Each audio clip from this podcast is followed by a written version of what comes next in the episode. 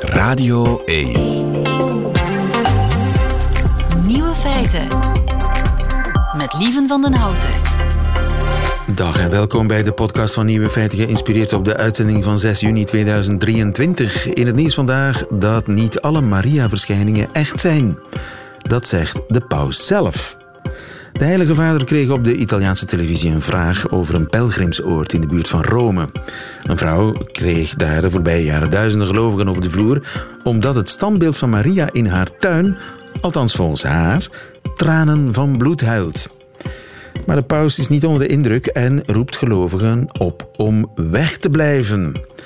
Er loopt ook een onderzoek naar het standbeeld Maria zou varkensbloed huilen. De andere nieuwe feiten vandaag. Een gigantisch stuwmeer in het zuiden van Oekraïne loopt leeg na een aanslag op een waterkrachtcentrale. Wie heeft het gedaan en wat zijn de gevolgen voor de oorlog? Hoe betrouwbaar is klassejustitie.be? Dat is een kluif voor onze nieuwe feitenchecker. En onze natuurkenner Jurie Kortens, die telt wilde orchideeën. De nieuwe feiten van Grof Geschut, het Nederlands-Vlaamse cabaretduo, die hoort u in hun middagjournaal. Veel plezier. Nieuwe feiten. Belangrijk darm ingestort in het zuiden van Oekraïne. Een ramp hoor ik eh, in het nieuws van 12 uur. Jens Fransen, goedemiddag. Goedemiddag. Onze militaire strateeg op uh, de VRT-redactie. Los van het militaire, het, het is een ramp. Hè? Want het is een gigantisch stuurmeer dat nu aan het leeglopen is. Daar. Ja, het is een, een, stuurmeer om je een idee te geven. Het is uh, bijna 200 kilometer lang. Dus geen één rechte lijn natuurlijk. Op sommige plekken is het zelfs 20 kilometer breed. Um, en dat was een, stuurmeer dat eigenlijk gecreëerd is in de jaren 50. Uh, er is een grote dam gebouwd en maakte uh, op die grote rivier, de Dnieper, we noemen die een, rivier, maar die is zo breed dat die eigenlijk een soort binnenzee is in Oekraïne. Verdeelt het land echt in twee delen, een westers deel, een oosters deel. En die dam, ja, dat was een zeer grote uh, een, een waterkrachtcentrale. Maar die lag ook al uh, maanden echt op de frontlijn. Het noordelijke deel, waar je stroomafwaarts ook die stad Gerson hebt, in handen van Oekraïne. Het zuidelijke deel in handen van de Russische troepen. Het doet mij een beetje denken aan de Eerste Wereldoorlog. De ijzervlakte die onder water wordt Alles gezet. Komt terug. Alles is komt het terug. dat eigenlijk? Um, ja, dat is de vraag natuurlijk. Hè, want dan stel je eigenlijk à qui profite le crime hier. Ja. Um, de Russen zijn het schijnt uh, in hun handjes aan het wrijven. Ja en nee, denk ik. Want um, aan de ene kant, ja, dit vertraagt wellicht het Oekraïnse offensief. Want uh, president Zelensky, zijn adviseurs, een aantal duizenden mensen moeten vandaag wel bezig zijn met dat offensief. Aan de andere kant merken we nu al dat de grootste overstromingen aan de zuidkant zullen zijn van die Dnieper. Met andere woorden, de Russische linies zullen voor een stukje gaan onderlopen. Nu, Russen zullen dat wellicht ook hebben ingecalculeerd en hun mensen een stukje hebben teruggekeerd. Maar een misschien niet bedoeld bijeffect is dat stuwmeer, dat op vele plekken zo breed is, is nu helemaal aan het leeglopen. En je ziet op dit ogenblik, zie je daar heel diepe, zanderige oevers ontstaan. Want natuurlijk, als dat stuwmeer uh, op dit ogenblik zitten we aan om en bij tussen de 5 en 10 meter gedaald is, ja, dan wordt die rivier heel wat nauwer. Want die gaat zich wellicht terug gaan leggen in die oude natuurlijke bedding. En dus makkelijker over te steken. En dus veel makkelijker om over te steken met pontonbruggen. Dus Zelensky zegt het zijn Russische terroristen die die waterkrachtcentrale hebben opgeblazen en daardoor zijn twee gaten naar het schijnt ontstaan in de uh, dam. Um, wat je kijkt als je naar die beelden ziet, uh, uh, die nachtelijke beelden, dan zie je dat er hoe dan ook echt sprake is van een explosie. We gaan er op dit ogenblik vanuit dat die explosie heeft plaatsgevonden in die uh, waterkrachtcentrale. En dat die explosie, die al gefragmenteerde dam, want daar waren al raketten op neergekomen, daar waren al op mortieren neergekomen, dat die extra schok er geleidelijk voor geleid heeft dat die dam aan het instorten is geweest. En natuurlijk, de kracht van dat water heeft dat aanvankelijk, die aanvankelijke kleine bres de voorbije uur een stuk groter gemaakt. Dus er stroomt nu veel meer water uit op dit ogenblik dan bijvoorbeeld vanmorgen vijf, zes uur. Oh ja. Uh, maar zou het kunnen dat Zelensky ongelijk heeft, dat het niet de Russen zijn? Je kan maar op die vraag antwoorden als je er eigenlijk bij was en als je mee de explosieven gedetoneerd hebben. Het lijkt wel eerder werk van de Russen. Waarom? Omdat het echt een gecontroleerde explosie was en omdat geweten was dat de Russen die dam wel degelijk hadden bemijnd. Dat daar wel degelijk explosieven waren aangebracht. Um, iemand van de Oekraïnse geheime dienst heeft vanmorgen al gezegd, wellicht is het een paniekdaad geweest. Hè? Uh, Russische lokale mensen die in paniek zijn geschoten, dachten dat er misschien een offensief ging komen, komende uren of dagen. En deze daad hebben uitgevoerd. Niet goed wetende wat de grote gevolgen daarvan zouden kunnen zijn, bijvoorbeeld ook voor de Krim, die misschien zonder water komt te zitten.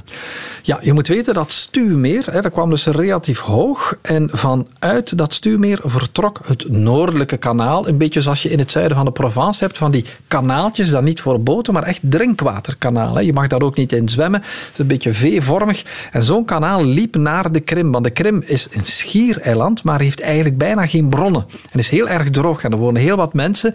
En dus gebruikte men het zoete water uit de Dnieper om dat schiereiland in handen van Rusland te bevoorraden van drinkwater. Nu, um, Oekraïne had wel al de voorbije jaren een aantal keren de sluizen toegedaan naar dat drinkwaterkanaal, um, waardoor de Krim zonder water kwam te zitten en waardoor Rusland dan verplicht was met waterboten dat schiereiland te gaan voorzien van drinkwater. Maar goed, een, een, ramp voor veel ook dorpen die overstromen. Het, uh, ja, mensen moeten allerlei oplossingen gaan bedenken. Ook de Oekraïners moeten daarmee bezig zijn, terwijl ze volop bezig waren aan hun ja, inmiddels zomeroffensief, mag ik het bijna noemen. Ja. Uh, maar aan de andere kant, de Russen gaan daar ook heel veel last van hebben. Dus onze, onze ja, beste gok is nu dat het een paniekdaad was ja. uh, van lokale Russen in de hoop uh, het offensief af te wenden. Hoe zit het daar nu mee? Is het nu begonnen of niet? Want de Oekraïners ontkenden het zelfs, hè, dat het begonnen was, het grote offensief. Het is, zoals we enkele weken geleden hier al hebben gezegd, het is weken geleden al begonnen. Want een offensief, hè, je moet je voorstellen, stel je voor, eh, dat front is ongeveer 900 kilometer lang. Laten we nu eens een, vergelijking maken. Hè. Stel je 900 meter aan schaakborden voor. Maar schaakborden die dubbel zo diep zijn. En eigenlijk wil je over die 900 meter op verschillende plekken beginnen met aanvallen. Dat doe je niet op een blauwe maandag. Je begint daarmee, je hebt daar planning voor nodig. Je moet weten van stel dat we scenario A kunnen doen. Zit daar dan ook voldoende logistiek achter? Kunnen de tanks die op een bepaald moment ergens een bres kunnen we daar dan beginnen volgen? En dan moet je al die scenario's beginnen uittekenen. Dat is ook voorbereid. De bombardementen die we de voorbije weken hebben gezien, waren allemaal voorbereidingen op die verschillende flexibele scenario's die klaar zijn. Waar we nu in komen is wat militairen dan noemen de kinetische fase. De kinetische fase dat is wanneer er geschoten begint te worden, wanneer je tanks gaat zien. Maar vooraleer we tanks gaan zien, zullen we eerst nog de gewapende genie gaan zien. En dat zijn de mensen met kranen, met bruggen, met die rivieren moeten gaan overbruggen. Want zij komen voor die tanks, zij gaan die bressen gaan maken. Wat we de komende weken ook zullen zien, zijn allerlei schijnmanoeuvres. Neem nu bijvoorbeeld de voorbije twee weken wat we gezien hebben in Rusland, Belgorod. Ja, dit is allemaal gepland. Het is geen toeval dat dat gebeurt. Het is geen toeval dat er plots zogenaamde Russische partizanen in Rusland een strijd gaan beginnen. Want dat betekent dat voor Rusland het, het front eensklaps ja, verdubbeld is. De vijand in verwarring brengen. De vijand kan overal zijn. En dat maakt allemaal deel uit van dat lenteoffensief dat enkele weken al geleden begonnen is, maar waarvan we nu eigenlijk ja, de kinetische fase gaan beginnen zien. Want op dit ogenblik, we hebben de tanks nog niet gezien, hè, maar dan kan je verwachten dat kan nog een paar dagen duren. Maar de komende weken gaan we dit soort grote operaties echt wel beginnen zien. Ja, en we zijn afhankelijk van uh, informatie indirect, want er is een soort omerta in uh, Oekraïne, wat ook deel uitmaakt van de strategie. Neem ik aan om niets... Uh, Sterker nog, uh, het, het, is geen soort omerta. Het is verboden bij wet in Oekraïne om over de militaire acties te verslaan, ook als journalist, omdat dat natuurlijk heel erg gevaarlijk is. Ehm, dus waar we eigenlijk afhankelijk zijn, is vaak van sociale media en van de verklaring en van satellietbeelden en dat van, soort dingen. En van de Russen. En van de Russen. Maar ja, die informatie Russen, is natuurlijk... Dat, dat, is een nog andere orde van propaganda. Hè. Nu, aan de Russische zijde uh, aan de Oekraïnse zijde liever, wordt gecommuniceerd, maar vaak met een vertraging van 24 tot 72 uur, zodanig dat lopende operaties niet altijd in gevaar worden gebracht.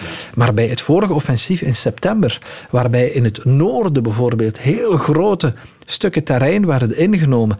Dat is eigenlijk pas dagen later uh, duidelijk geworden. Oekraïne heeft er daarvoor gekozen om die snelle opmars een stukje stil te houden. Want ja, natuurlijk, dan kan je linies gaan doorbreken en dan kan je omcirkelende bewegingen van de vijand gaan doen. Ja, en dat wil je natuurlijk niet doen met de fanfare voorop.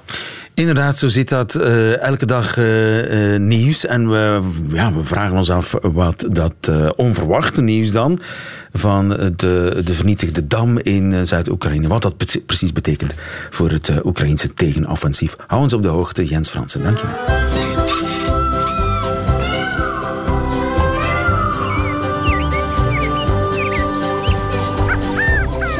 Juri Buiten.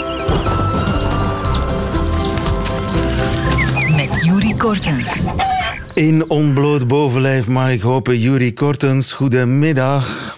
Goedemiddag, het zal wel zijn, ja. Aha. Juri Kortens, onze eh, lesgever bij Natuur.i, die ons elke dinsdag komt uh, verblijden met nieuws uit de natuur. Uh, Juri, wat, wat ben je aan het doen? Ja, ik ben deze dinsdag speciaal naar een prachtig weilandje getrokken waar, waar orchideeën staan. En die ben ik nu aan het tellen. Je bent orchideeën aan het tellen? Ja. Ja, Juist, ja. orchideeën. En orchideeën, dat lijkt mij zoiets wat je in een winkel koopt. Ja, ja dat is ook wel zo. Hè. Dus wij, wij hebben heel veel soorten orchideeën. Dat is een van de soortenrijkste groepen op aarde. Uh, en de meeste orchideeën groeien effectief ja, op uh, bomen in boomkruiden enzovoort. En dat wordt dan, uh, wordt dan overgebracht naar potjes om in de winkel te zetten. Maar die van ons die staan meestal gewoon ergens op de grond, op redelijk voedselarme bodems. Want dat is wel heel belangrijk, dat de, voedsel, dat, dat de bodem niet te rijk is. Want die orchideeën worden niet zo heel groot. Hè. Dit exemplaar dat ik nu zie, ja, ik schat zo'n kleine 30 centimeter dat die is, met dan een ja, soort van bloeiaar die daar bovenop staat van, een, van toch wel een goede 10 centimeter. En die bloemetjes die zijn werkelijk verbluffend mooi. Ja, want ik, ik herinner mij niet dat ik die ooit in het vrije veld heb gezien, in de wilde natuur. Ja, over het algemeen, het is een beetje zoeken hoor, want uh, orchideeën zijn best wel zeldzaam. Er zijn in totaal wel 30 soorten in Vlaanderen, dus, dus toch wel wat. Maar de meeste daarvan zijn heel erg gebonden aan ja, een bepaalde regio, een bepaald gebied. Er zijn erbij die maar op één of twee plaatsen voorkomen, bijvoorbeeld. En deze hier, de gevlekte orchis, ja, die komt nog net wat meer voor op, uh, op vochtige graslandjes, die eigenlijk al sinds jaar en dag worden gehooid. Dus die nooit echt bemest geweest zijn, maar die altijd gehooid zijn, uh, dan is dat hooi eraf gehaald, gaat er, gaat er uh, voeding verdwijnen uit die bodem en dan gaan die orchideeën daar een plekje opeisen. Ja, dus hoe armer de grond, hoe meer kans op orchideeën. Ja, dat is toch wel ergens een, een hele goeie. En die bodem die moet ook nog iets heel anders belangrijk hebben, namelijk de juiste uh, schimmels die daarin zitten. Want orchideeënzaadjes, die zijn echt flinter, flinterdun. Dat is stof. En uh, die kunnen dan wel heel ver vliegen, dat is een voordeel, maar ze hebben geen voedingsstoffen mee. En die voedingsstoffen, die krijgen ze dan, of beter gezegd, die stelen ze dan van een schimmel die in de bodem zit, waarmee ze uh, een soort van verbintenis aangaan. Maar het is, het is eigenlijk geen eerlijke relatie, want de orchidee geeft niks terug. Het is de schimmel die, uh, die alles aan de orchidee geeft. En dus de eerste ja, het zijn echte dieven. En de eerste twee à drie jaar, dan leeft die orchidee ook volledig ondergronds. Maakt die geen bladgroen aan. Kan die dus ook geen... Uh, uh, kan, kan die eigenlijk zelf geen voedingsstoffen aanmaken. En is die volledig afhankelijk van die schimmels. En dus dat is ook een heel belangrijke voorwaarde voor het voorkomen van orchideeën. Dat maakt dat die, uh, dat die eigenlijk wel zeldzaam zijn. Ja, ja. Maar dus die, die zitten jaren onder de grond? Ja, die kunnen jaren onder de grond zitten en er zijn zogezegd snelle groeiers. Um, ja, die bloeien dan na een jaar of drie, vier voor de eerste keer. Maar er zijn soorten bij die er 10 tot 14 jaar over doen. 14 jaar? Dat die, 14 ja, jaar? Ja, ja, vooraleer dat die bovengronds komen en dan pas, uh, pas gaan bloeien. Dus dat is echt... Uh, ja, dan, dan, dan, dan merk je van oké, okay, het zijn planten die hun tijd nodig hebben. En in een wereld waar alles snel snel moet gaan, is dat, uh, is dat zeker niet gemakkelijk. En ja, de juiste omstandigheden. En dat maakt dat het zo wat graadmeters geworden zijn van ja, heel bloemrijke, heel biodiverse graslandjes in, uh, in Vlaanderen. Ah ja, dus als de orchidee bloeit, dan gaat het goed. Ja, dat is een goede graadmeter. Dus, uh, een soort ja, kanariepietje van het natuurgebied. Uh, ja, ja, toch wel. En, en het is daarom ook dat ze, dat ze jaarlijks ook wel geteld worden. Hè. Dus de, de, bloeiende, de bloeiende bloemen die er staan, die gaat men dan tellen uh, om te zien of dat ongeveer in de juiste grote orde blijft. Nu één of twee minder, dat, dat speelt geen rol, want die kunnen soms ook jaren overslaan. Orchideeën die hebben wortelknolletjes waar, ze, waar ze hun voedingsstoffen in opstaan. En het kan zijn dat als ze een moeilijk jaar gehad hebben bijvoorbeeld, dat ze dan zeggen van ja, oké, we gaan één jaartje gewoon ondergronds blijven. Of, of gewoon alleen maar bladrosetten aanmaken, een jaartje overslaan met bloeien. Uh, dat kan ook zijn. En die, die, die naam orchidee komt uiteindelijk ook van die wortelknolletjes. Ah, ja? uh, want een deel van de orchidee, het geslacht orchis, uh, dat is eigenlijk gewoon dezelfde naam als het Grieks voor teelbal. Majorie toch? Dat er is zo, ja, maar er is een soort van, of teelballen moet ik zeggen, meervoud. Want er is een soort van orchideeën, of een groep van orchideeën, die zo twee van die uh, wortelknolletjes naast elkaar hebben. En vandaar de gelijkenis. En heeft men dat dus zo genoemd, de orchis. De viespeuken, zeg?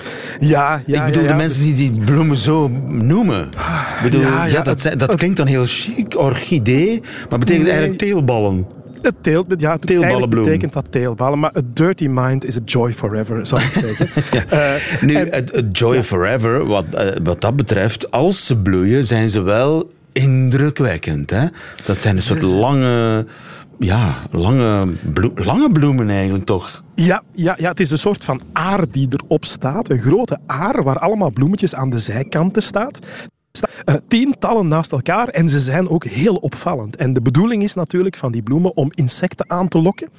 En daar zijn orchideeën ook weer een beetje van die sloebers waarbij ze gaan profiteren van insecten in plaats van hen te betalen voor hun diensten. Eh, een deel van de orchideeën biedt effectief nectar aan, dus dat, dat de bij of de vlieg of wat dan ook be- beloond wordt. Maar een ander deel, die gaan, die gaan misleiden. Eh, en de soort die ik hier nu zie, die gevlekte orchis, die heeft eigenlijk een prachtige bloemen, maar die heeft geen nectar. Het is een café zonder bier. Daar staan hele kleine lijntjes op, die door bijen en andere dieren worden geïnterpreteerd. Dat zijn ook UV-lijntjes. Die worden geïnterpreteerd van, kijk, hier moet je zijn. Dit soort is wegwijzertjes. nectar Wegwijzertjes Nectar, om, nectar, nectar. te brengen. En zij komen daar en dan, dan lukt dat eigenlijk niet. Ehm, wat gebeurt er dan? Als zij op die bloem komen, dan wordt er een soort van, ja, een soort van diadeem op het kopje van dat insect afgeplakt of opgeplakt. Daar hangen dan twee knobbeltjes aan, vol met stuifmeel.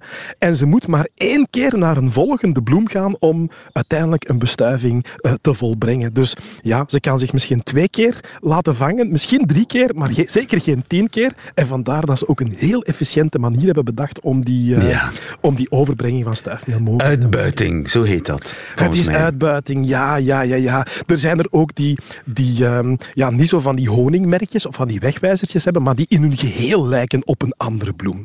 Eh, Het roodbosvogeltje, dat is een heel zeldzame orchidee van het zuiden van het land. Het vooral. roodbosvogeltje is Ja, geen vogeltje. Dat is geen vogel, dat is een orchidee. Eh, dat is ook niet echt rood-rood. Er zit zo wat, wat paarsachtig bij in. En die lijkt een beetje qua ja, kleurenspectrum, zeker als je, dat, als je het UV erbij neemt, lijkt dat sprekend op eh, klokjes, campanula's, klokjes, die ook in tuinen voorkomen. En wat gaan ze dan doen? Ze gaan eigenlijk gebruik, gebruik maken van het feit dat er bijvoorbeeld hommels naar die klokjes komen, nectar komen halen. En zij vergissen zich dan al wel eens. Eh, want zo'n hom- hommel, dat op, op, op, van hier naar daar. En dan denk ik, oh shit, dat is de verkeerde. Eh, dus dus eh, op die manier gaan zij dat doen. Maar er is een andere groep, en dat is echt de, ja, de toppers, dat zijn de hommelorchissen onder ons. Eh, die, die, die gaan met hun bloem een ander insect nabootsen.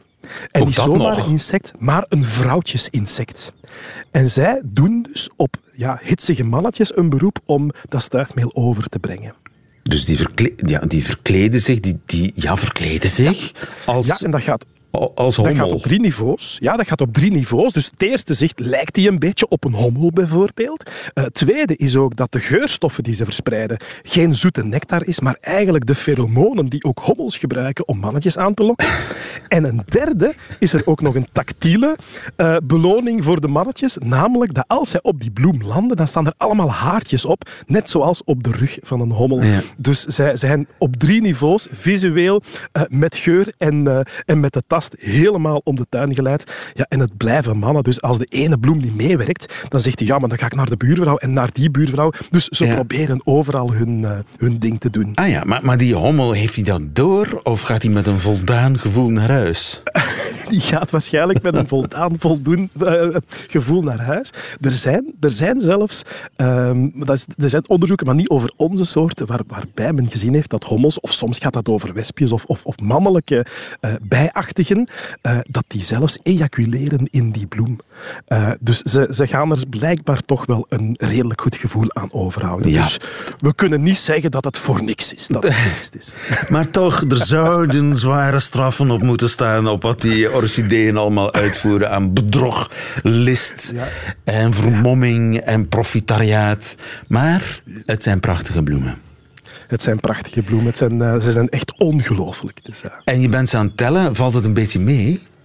Het valt zeer goed mee. Hè? Dus, dus dit zijn gevlekte orchies. Als ik gewoon zo over dit graslandje kijk, het is niet veel groter dan een half voetbalveld, maar ik zie er daar honderden op staan. Oh. Dus, eh, Oké, ja, dus en niet al- Jij ja, komt met goed nieuws naar huis. Je gaat wel met Ja, goed nieuws naar huis. absoluut. Er zijn zelfs mensen die een workshop orchideeënfotografie aan het volgen zijn hier. Dus ik ben niet helemaal alleen. Ja, niet plukken vooral, hè? Niet Nee, plukken. nee, zeker niet. Fotograferen zeker, mag je zeker, want die zijn prachtig. Eh, maar plukken, het, het probleem is eigenlijk dat, dat als je ze plukt, is het natuurlijk helemaal om zeep. Sommige mensen denken van, we steken ze uit om ze dan in onze tuin te planten. Eh, maar omdat orchideeën heel gevoelig zijn aan ja, hoe de bodem eruit ziet, lukt dat meestal niet. Dus in de meeste gevallen ga je eigenlijk gewoon eh, ja, een plant verwijderen die er één jaren voor nodig gaat om tot in die toestand te komen. En ga je zo de, de lokale populaties helemaal verzwakken. Dus eh, niet plukken, niet uitsteken, gewoon van genieten. En eh, veel succes bij het tellen. Jurie Kortens, dankjewel. Goedemiddag. Radio 1. Nieuwe feiten. Is er in ons land sprake van klassejustitie? Dat willen de makers van de website klassejustitie.be onderzoeken. Maar hoe betrouwbaar is dat onderzoek?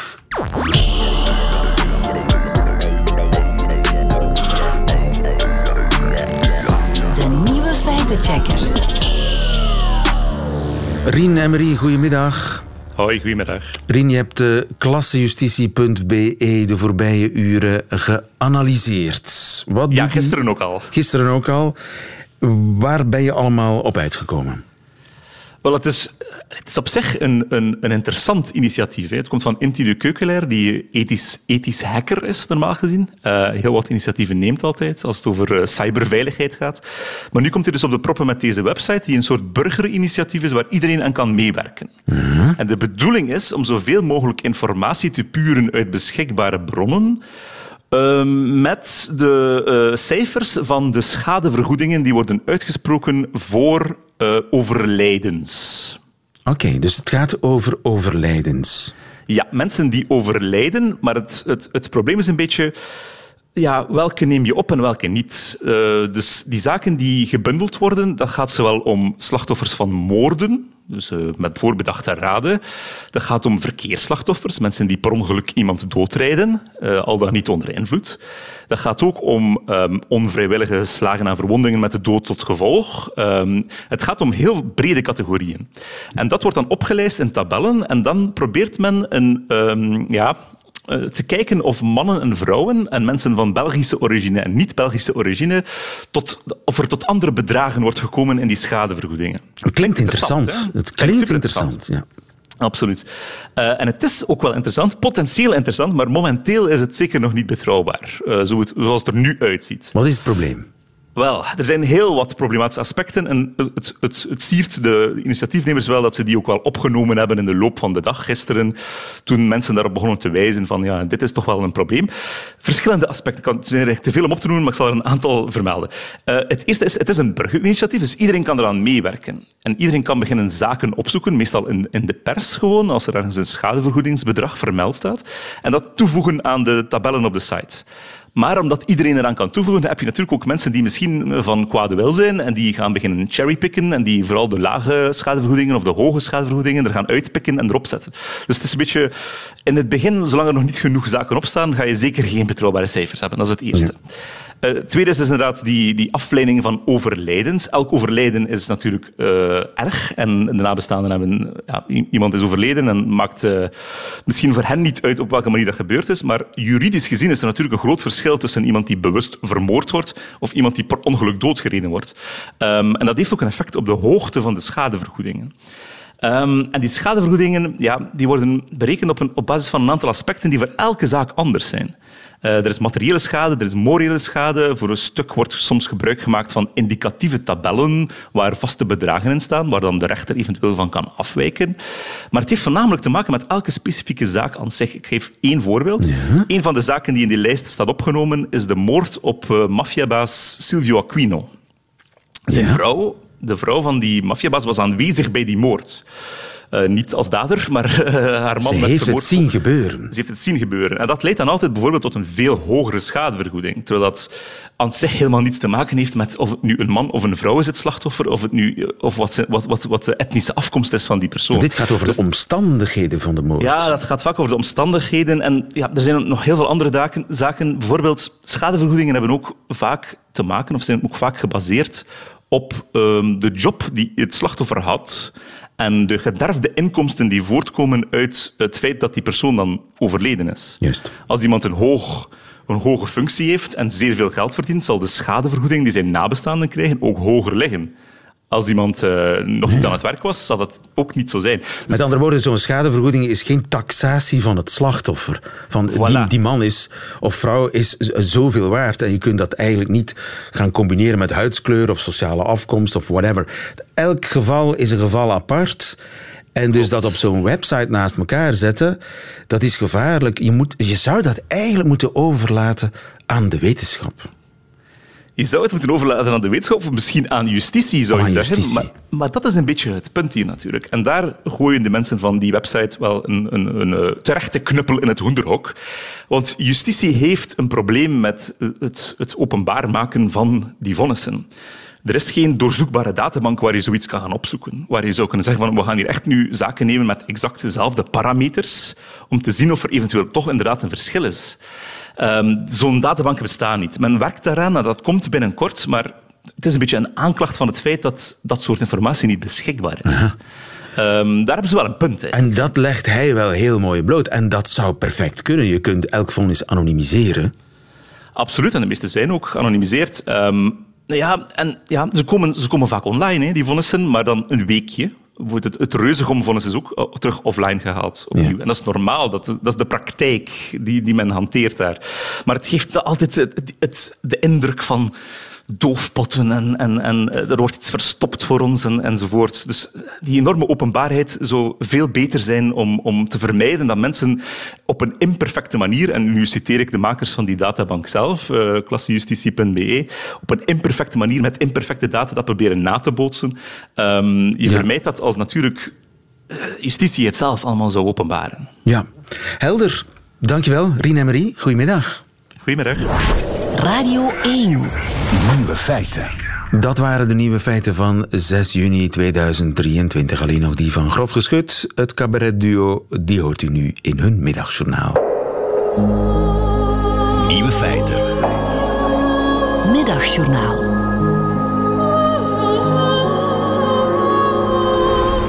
Beste luisteraar, wanneer weet je dat je klaar bent om eraan te beginnen? Of uw appartement niet te klein is, uw hypotheek nog te groot, Je relatie sterk genoeg? uw familie nog te hard in stukken uiteen. Wanneer begin je aan kroost? Eerlijk, al een paar maanden praten mijn lief en ik eigenlijk over niks anders. Ja, ze zijn nog niet eens aan het proberen of ze hebben zelfs al een app met babynamen. En die swipen ze dan naar links of naar rechts, een soort Tinder voor baby's. Ja, het heet ook kinder. Het heet ook kinder. Mijn lief blijft mij ook maar filmpjes doorsturen van baby's. Zo vaak dat Facebook zelfs al denkt dat ze zwanger is en haar nu al tips begint te geven tegen buikstriemen en lekkende tepels. Oh, dat heb ik ook. Maar dan met honden. Uren kijk ik naar filmpjes van puppies. Ja, dat doet ze. Maar ook wel naar baby's. En puppies met baby's. En, en baby's met puppies en pingwings. En baby's met puppies met pingwings. Ja, daar gaan mijn eierstokken helemaal van rammelen. Maar wanneer weet je dat het het moment is?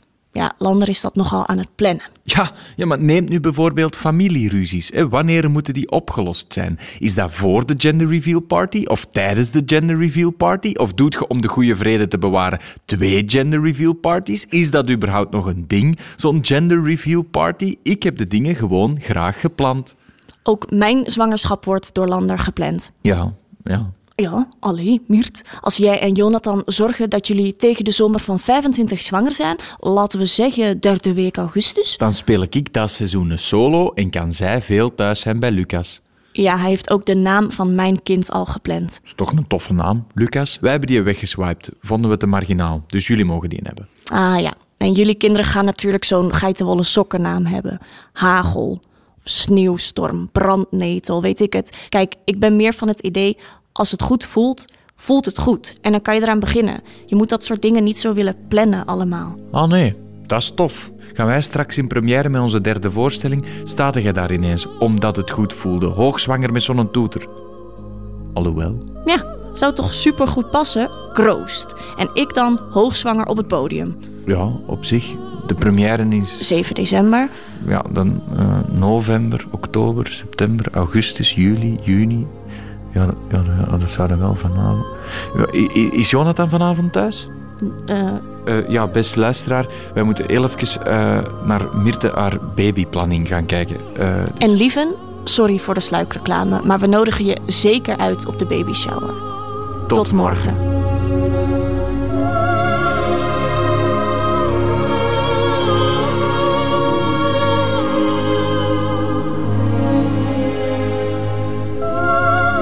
Veel sluik was er niet aan aan die reclame. Grof geschud in het middagjournaal. Uh, einde van deze podcast.